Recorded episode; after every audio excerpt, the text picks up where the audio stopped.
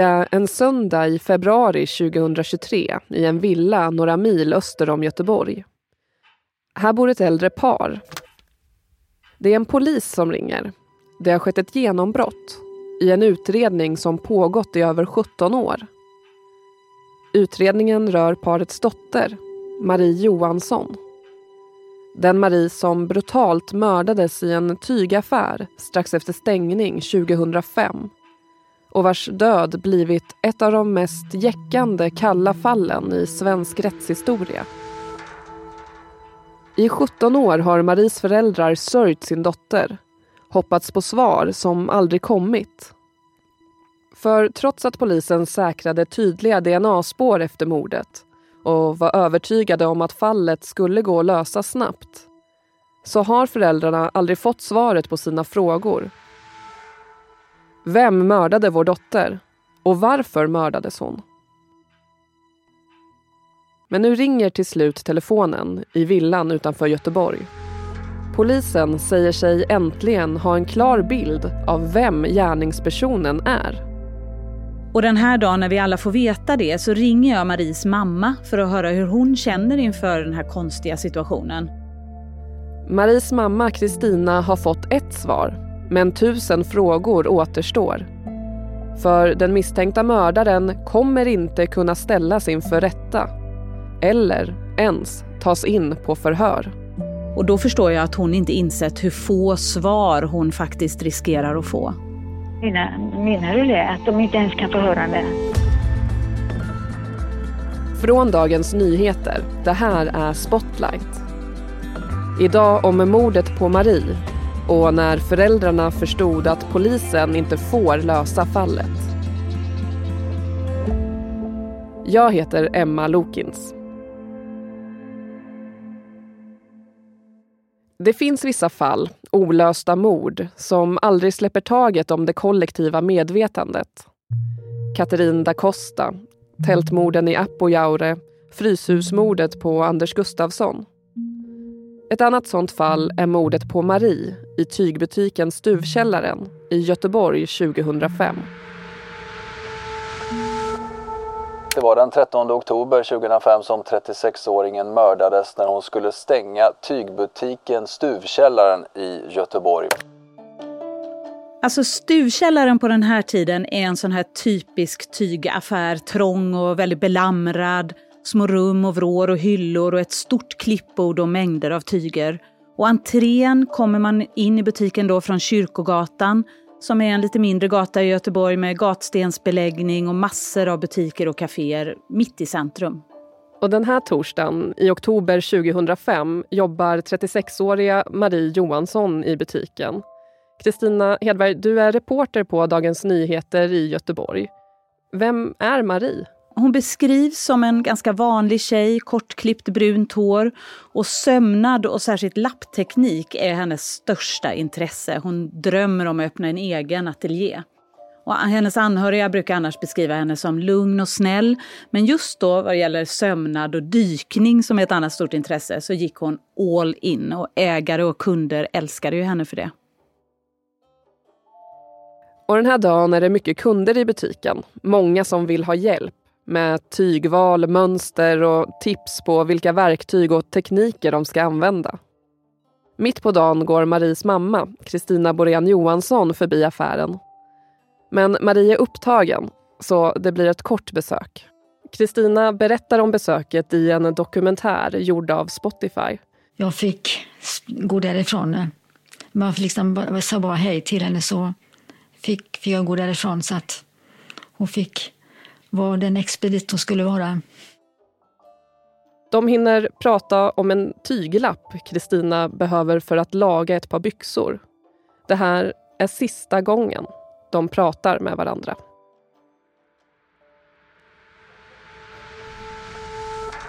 När arbetsdagen går mot sitt slut så påbörjar Marie stängningsrutinen. Hon tar in blomkrukorna som står ute på gatan hjälper de sista kunderna ut, låser dörren. Men det ska visa sig att Marie inte är ensam i lokalen. En annan person har dröjt sig kvar. Marie ska släcka lyset och går bort mot lampknappen. Radion står på. Exakt vad som händer sen vet vi inte. Vi vet bara att strax efter klockan sex är Marie död. Ihjälhuggen med ett vasst föremål. Marie avlider i princip direkt enligt polisens bild av händelseförloppet och exakt hur det går till och varför, det vet ju bara gärningspersonen.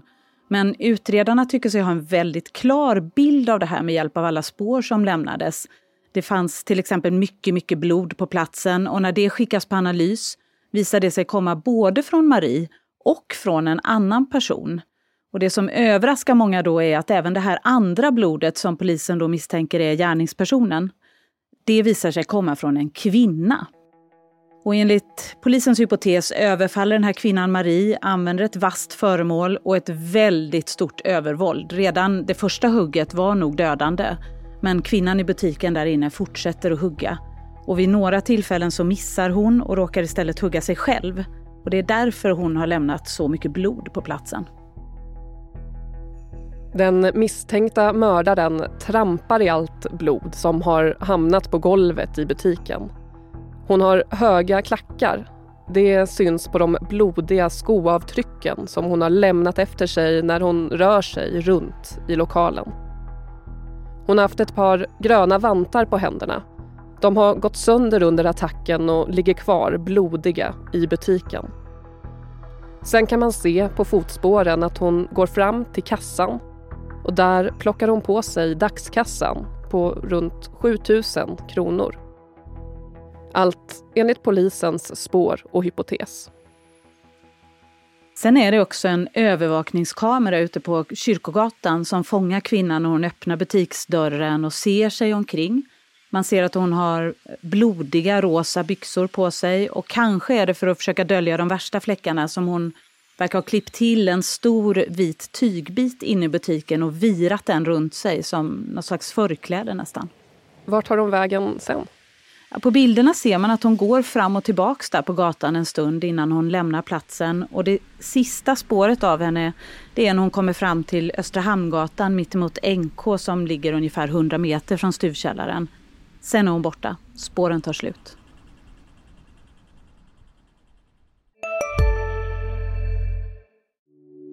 Hej, Ulf Kristersson här. På många sätt är det en mörk tid vi lever i. Men nu tar vi ett stort steg för att göra Sverige till en tryggare och säkrare plats. Sverige är nu medlem i Nato. En för alla, alla för en. Vi är specialister på det vi gör, precis som du. Därför försäkrar vi på Swedea bara småföretag, som ditt.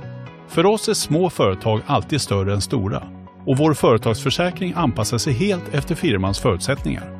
Gå in på swedea.se företag och jämför själv.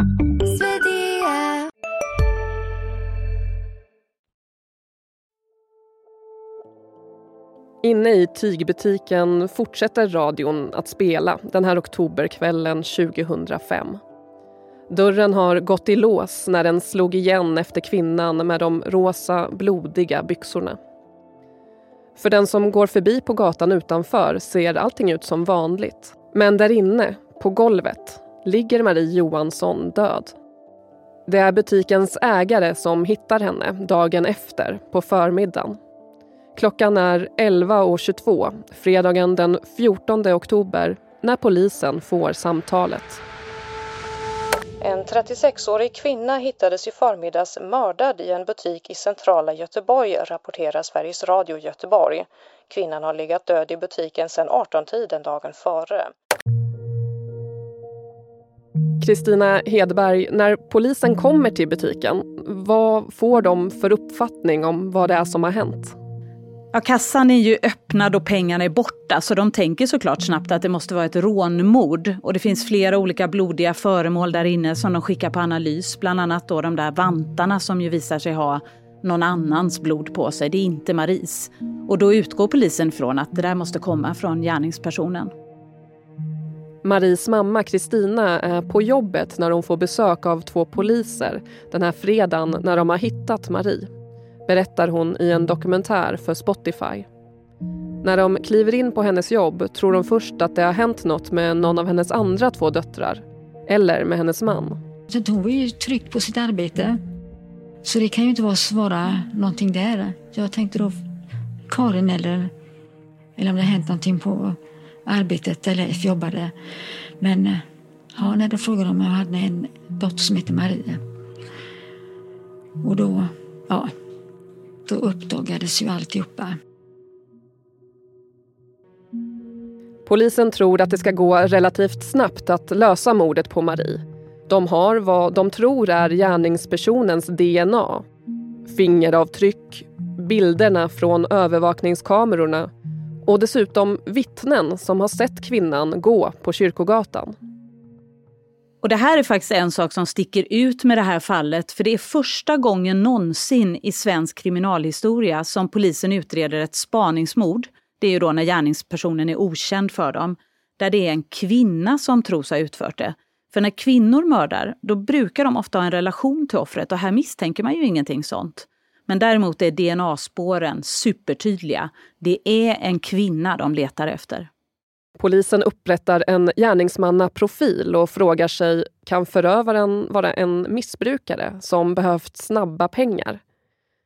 Men eftersom man inte heller helt kan utesluta att mördaren skulle kunna ha haft en relation med Marie så topsar man också, alltså samlar in DNA, från hundratals kvinnor som på något sätt har haft någonting med Marie att göra.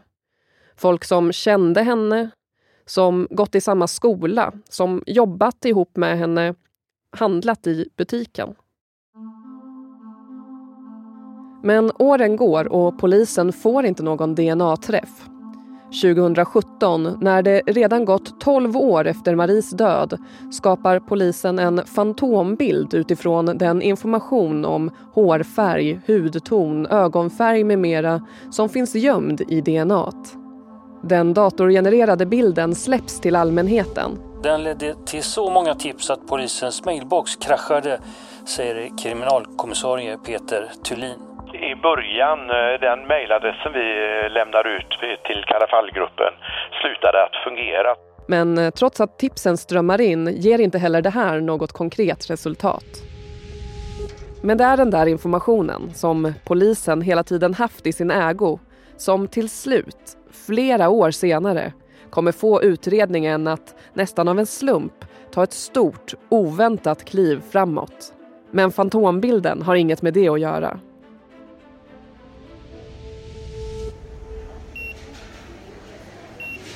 Det är lördag den 26 november 2022. Inne på den enorma blå kuben som är Ikea Bäckebol på Hisingen finns självskanningsstationer med skärmar och ytor att lägga kuddar, värmeljus eller vad det nu kan vara på innan de packas ner.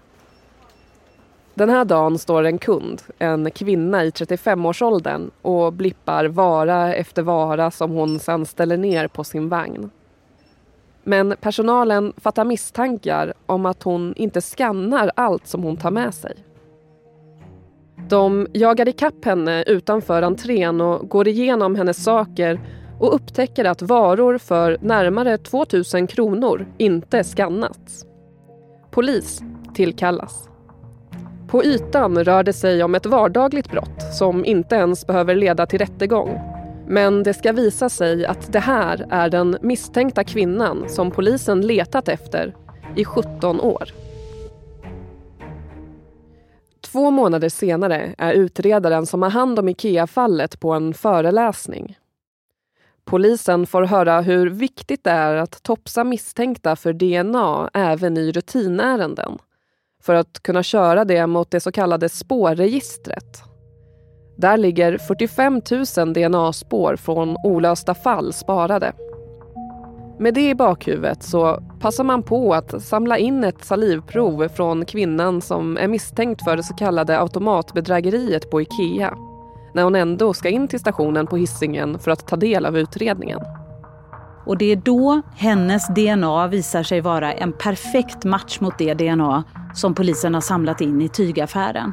Om föreläsningen inte hållits på just den här dagen så kanske beslutet att topsa kvinnan aldrig hade tagits.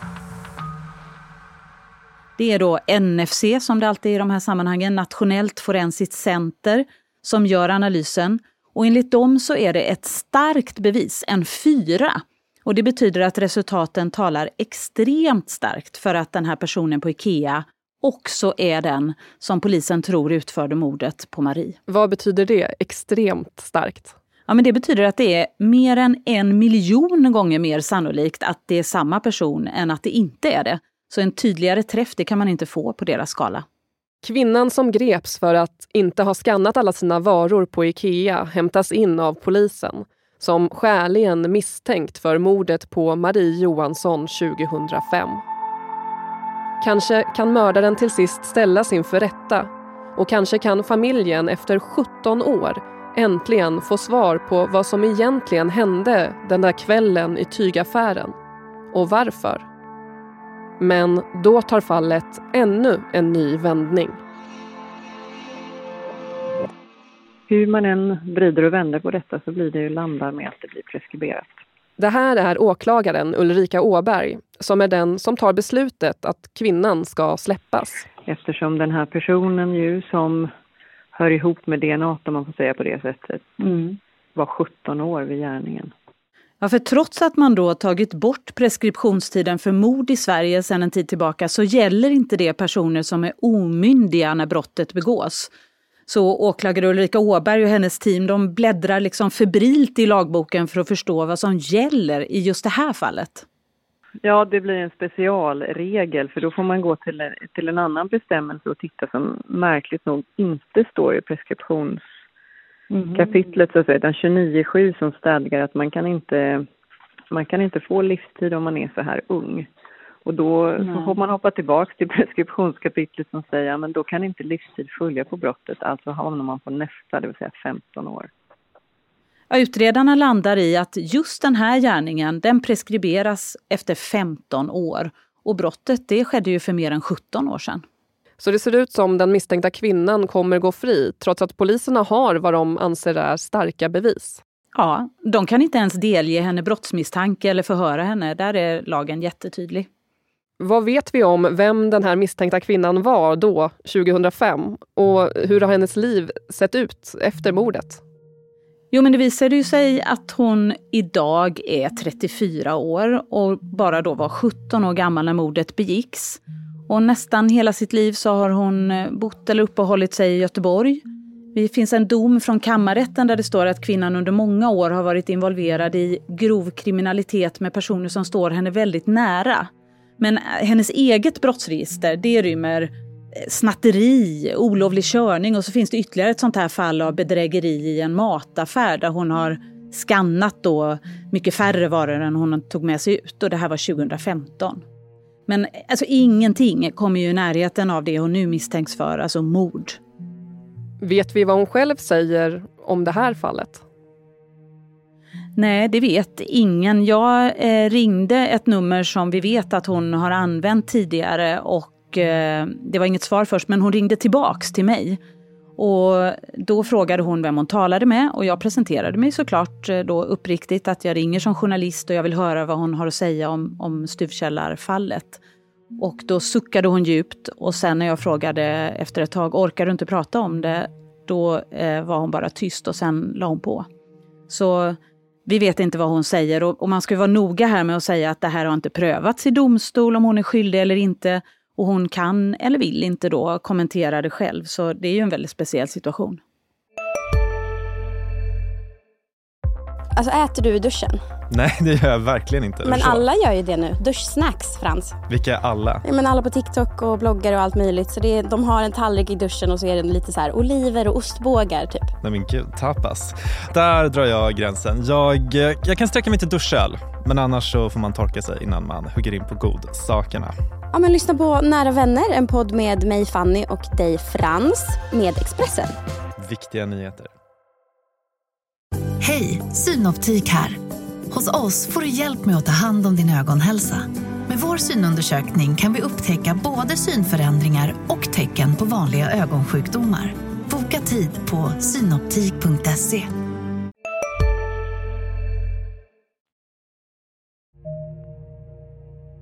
Efter att kvinnan tagits in och sen släppts igen tvingas en mamma som sökt rättvisa i över 17 år nu inse att hon kanske kommer att få leva med det paradoxala. Att polisen tror sig veta vem mördaren är men att hon inte kan lagföras. Och den här dagen när vi alla får veta det så ringer jag Maries mamma för att höra hur hon känner inför den här konstiga situationen. Och då förstår jag att hon inte insett hur få svar hon faktiskt riskerar att få. Det, det var ju lite chockartat. Det, kan, det, det, leder ju liksom inte till någonting ändå. Så att, eh, men det är klart, kan de få lite svar på sina frågor, poliserna, så är det väl bra. Om, mm. om de tar in och förhör henne i alla fall. Så att, uh... Det verkar inte som de kan göra ens det eftersom de inte har någon misstanke att uh, delge. Menar, menar du det? Att de inte ens kan förhöra henne? Ja, alltså, som det ser ut nu så verkar det som att de har liksom ingen eh, juridisk grund att gå på. Och hon sitter inte frihetsberövad. Det här brottet som hon topsades för, det var inte så allvarligt så det är inte något frihetsberövad. Alltså hon är inte frihetsberövad på grund av det heller. Nej. Mm. Nej, då var det ju ogjort alltihopa. Nästan, det var ju nästan ännu värre. Så alla frågor som mamman och resten av familjen undrat över i 17 år nu, de finns ju kvar. Men Kristina Hedberg, finns det inget hopp för familjen om att få svar? Kan polisen inte få kvinnan att berätta vad som hände, även om hon inte kan straffas för det? Nej, som, alltså som läget ser ut nu, nej enligt åklagaren. Det här är i så fall helt upp till den misstänkta kvinnan om hon vill berätta. Man är ju alltid välkommen att ta kontakt med oss och berätta vad man vet. Jag kan ju inte tvinga någon att berätta.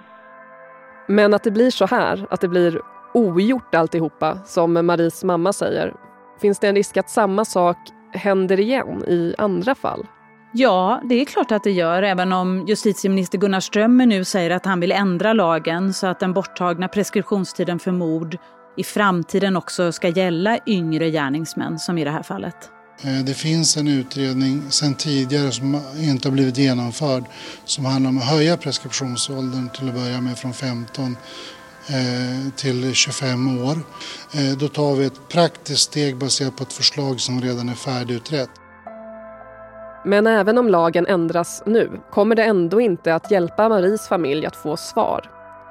När preskriptionstiden för mord togs bort 2010 gällde det bara fall som ännu inte blivit preskriberade. Samma sak lär gälla nu. Utredningsfönstret för det här ärendet har redan hunnit stänga och det kan inte öppnas igen om inte något helt nytt kommer fram. Som det ser ut nu står det enda hoppet för familjen att få svar till att den misstänkta kvinnan själv väljer att berätta.